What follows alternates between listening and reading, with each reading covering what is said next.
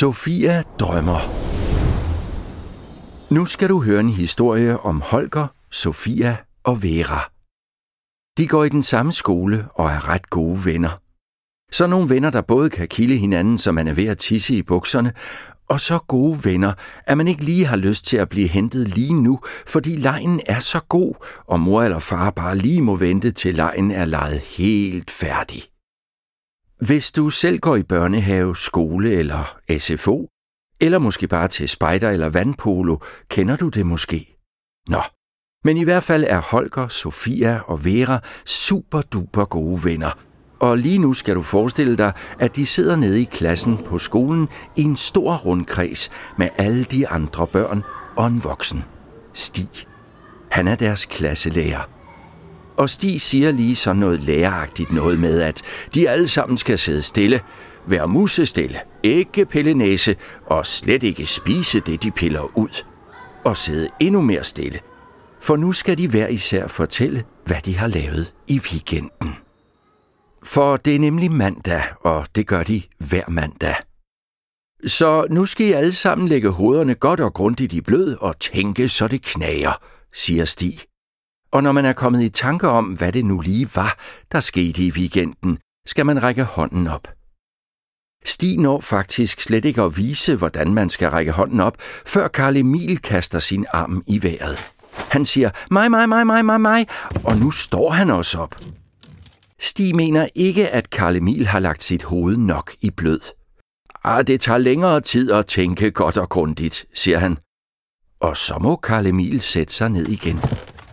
Men han vil gerne vide, hvor det er, han skal lægge sit hoved. Men Stig siger, at han har værsgo bare at beholde sit hoved lige præcis, hvor det er, og ellers sidde på sin bagdel og tænke og tænke. Det prøver Karl Emil så lidt slukøret. Vera forsøger også at komme i tanke om, hvad pokker det var, hun lavede i weekenden. Var det noget med, at farmor og farfar var på besøg? Var hun på legepladsen med Kajsa? Kajsa er hendes store søster, som går i femte, og kan køre på cykel med gear og det hele. Men hvad søren var det nu, de lavede? Nu husker hun det. Hun var jo nede ved engen og cykle. Hun skynder sig at række hånden op. Ja, Vera, værsgo, siger Stig. Vi var på engen og cykle, og jeg havde Lalla med, min skumfidusbamse, og far var med, og Kajsa var med, og vi fik is med krømmel, der var helt blåt, ligesom Lalla. Vera tænker sig om. Og der var måger? Tak, siger Stig, rigtig fint. Flere af børnene er nu også ved at være færdige med at tænke sig godt og grundigt om, og nu fortæller de nogenlunde på skift, hvad de har lavet i weekenden. Ret almindelige ting i virkeligheden. Tilde har vasket bil med sin mor. Hugo har gamet med William, indtil de ikke måtte mere, og skulle gå ud og nyde det gode vejr, havde hans kedelige far sagt. Holger havde været i sommerhus, og der var en vandmand på stranden, som han havde trådt i. Først ikke med vilje, og derefter så lidt med vilje. Nu rækker Sofia hånden op, og det glæder de andre sig altid til, for Sofia har altid lavet nogle helt vildt utrolige ting i weekenden. Ting, som ingen af de andre nogensinde har prøvet, og tit ikke vidste, man overhovedet kunne prøve. Holger tænker tit, at han ville ønske, han havde lige så spændende weekender. Vi var i Zoo, men denne her gang tog vi ikke min fars lyserøde motorcykel, for den har vi solgt. I stedet hoppede vi på vores nye kængurustylter med propeller på. Sofia siger en sjov propellyd med munden. Og flere af børnene griner. Man behøver kun at hoppe 3-4 gange. Kæmpe store hop, og så er man der. Stig prøver at sige tak for det til Sofia og give turen til Mohammed, men Sofia fortæller videre. Vi kom før de åbnede i Zoo, men det var lige meget, for vi kunne jo bare hoppe over hegnet. Det må vi godt. Det er en aftale, vi har med dyrepasserne. Altså, bare vi ikke viser stylterne til de rigtige kænguruer, så taber de halen af bare misundelse, og det vil jo være synd. Vi var forresten ret sultne, for vi havde ikke fået morgenmad, så fordi der ikke var nogen andre gæster i Zoo, kunne vi selv lave candyfloss. Åh, fik du candyfloss til morgenmad? råber Vera. Ja da, Jeg lavede en uden pind, stak bare hele armen ned i gryden og lavede candyflossen rundt om armen. Wow, udbryder Kira. Og vil I vide, hvilken farve den havde? Regnbuefarvet selvfølgelig, siger Sofia og fortsætter. Men der var alt for meget til, at jeg kunne spise den. Så vi gik over til indjørningerne. De har lige fået killinger, og de elsker regnbuefarvet candyfloss. Så fodrede vi dem til de var helt regnbuefarvede. Men alt den candyfloss får dem til at prutte helt vildt. Når enjørningekillinger prutter, lyder det som den lyd, isbiler siger. Super. tak, Sofia, siger Stig. Så er det Mohammeds tur. Efter rundkredsen er der frikvarter, og børnene er ude på legepladsen. Holger og Vera og Sofia klatrer rundt i klatrestativet. Vera har lige lært at hænge på hovedet, så det gør hun ret meget. Holger synes, at det er sjovere at kure ned af den skinnende metalstang. Mens de klatrer rundt, snakker de om alt muligt. Holger har tænkt over det, Sofia har lavet i weekenden. Det er den mest fantastiske og utrolige weekend, som Holger overhovedet kan huske, Sofia har fortalt om. Især det med indjørningerne. Passer det virkelig? Altså, han ved godt, der findes enjørningebamser og enjørningepenalhuse og selvfølgelig også enjørningeslik. Men faktisk er han ret sikker på, at enjørninger ikke findes sådan rigtigt.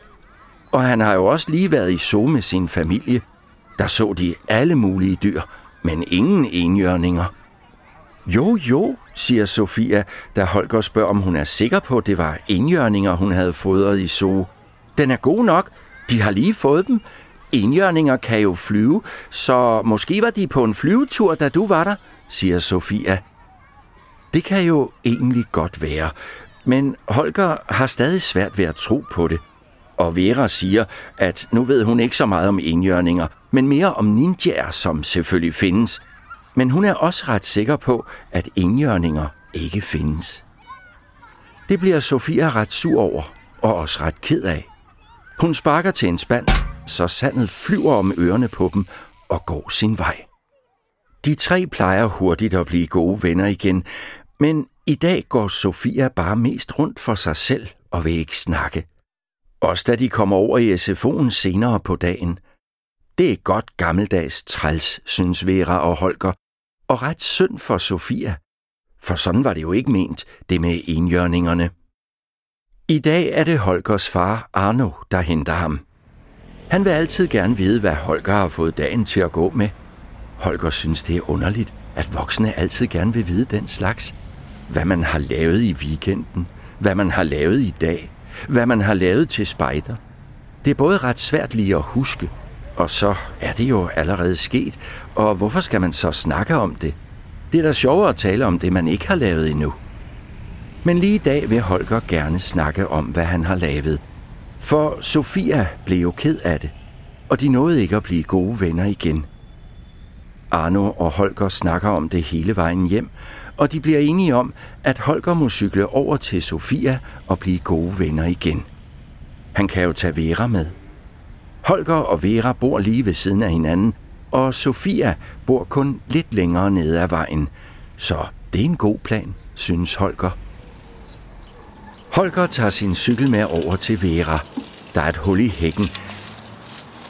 De to leger meget sammen, fordi de bor så tæt, og Sofia har også tit været på besøg. Men egentlig er der ingen af dem, der har været hjemme hos Sofia før. De ved bare, at hun bor i det gule hus længere nede ad vejen, hvor de har drønet forbi mange gange. Vera er klatret op i et æbletræ ude i haven og hænger igen med hovedet nedad. Vil du med ned til Sofia og blive gode venner igen? spørger Holger. Ja da, siger Vera og hopper ned. Hun render ind og hører sin mor om lov og kommer så ud igen med sin sorte ninja-cykelhjelm på hovedet. Hvad skal vi sige til hende? spørger Vera, da de cykler ned mod Sofias hus. Bare at vi gerne vil være gode venner igen, ikke? siger Holger. Det synes Vera lyder helt og aldeles perfekto. De parkerer cyklerne op ad hækken, drøner ind ad havegangen op til huset og ringer på. Det er Sofia, der åbner døren. Hun ser helt overrasket ud, og stadig ikke særlig glad. Hej, siger Holger. Hej, mumler Sofia. Vi vil gerne være gode venner igen, siger Vera. Nemlig, siger Holger og fisker noget op af lommen. Det er tre kammerjunkere, han har taget med. En til dem hver. Sofia tager kammerjunkeren og siger, Helt fint, jeg vil også gerne være venner igen.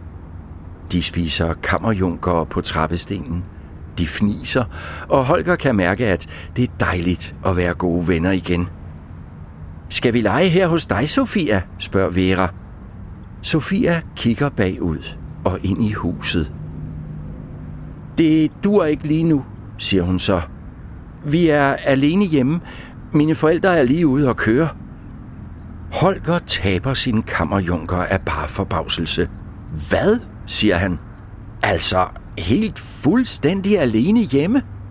Ja, fuldstændig, siger Sofia og peger på indkørslen, hvor den røde bil plejer at holde.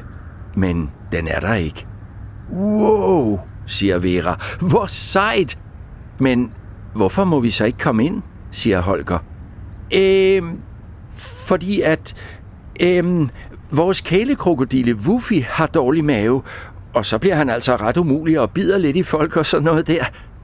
Det skal hverken Vera eller Holger nyde noget af. Wuffy fik Sofia for nogle weekender siden, kan Holger huske. Og han kan også huske, hvor mange tænder det var, Sofia fortalte, hun havde talt i hans mund. 701! Da de cykler hjem, er både Vera og Holger glade for, at de alle tre nu igen er gode venner. De er også enige om, at det er godt snyd, at Sofia må være alene hjemme. Og tænk sig at have en kælekrokodille. De kan ikke vente med at fortælle det, når de kommer hjem. Arno og hans kæreste Naja kigger på hinanden på den der voksenmåde, som Holger kender sig godt, da han fortæller om kælekrokodillen, og at Sofia må være alene hjemme. Og nu begynder de selvfølgelig at tale engelsk med hinanden. Det gør de altid, når Holger ikke må høre, hvad de siger. Hvad snakker I om? spørger Holger irriteret. For hvis I ikke tror på det, kan I selv tage ned og kigge. Just a moment. Eller lige et øjeblik, skat, siger Arno. De snakker videre. Holger bliver sur og råber, jeg ved godt, hvorfor I snakker engelsk. Det er fordi, I synes, det er pinligt, at jeg ikke må være alene hjemme, eller få en kælekrokodille, eller bare en enkelt weekend i en lyserød motorcykel. Det er meget uretfærdigt. Holger løber op på sit værelse. Lidt efter kommer de begge op. De ser kedelige og alvorlige og ekstra meget voksne ud begge to. Og bestemt ikke som nogen, der nu vil til at fortælle, at Holger skal en tur ud og fyre den max af i en lyserød motorcykel. Skat, vi skal lige snakke med dig, siger Arno. Om hvad, siger Holger. Om Sofia og hendes familie. Vi har lige ringet til Sofias mor. Og så fortæller de noget, som Holger har svært ved at forstå. Nemlig at Sofia og hendes lillebror snart skal bo hos en helt anden familie. Et helt andet sted i byen. Så både Sofia og hendes lillebror og mor og far kan få det bedre. Bedre?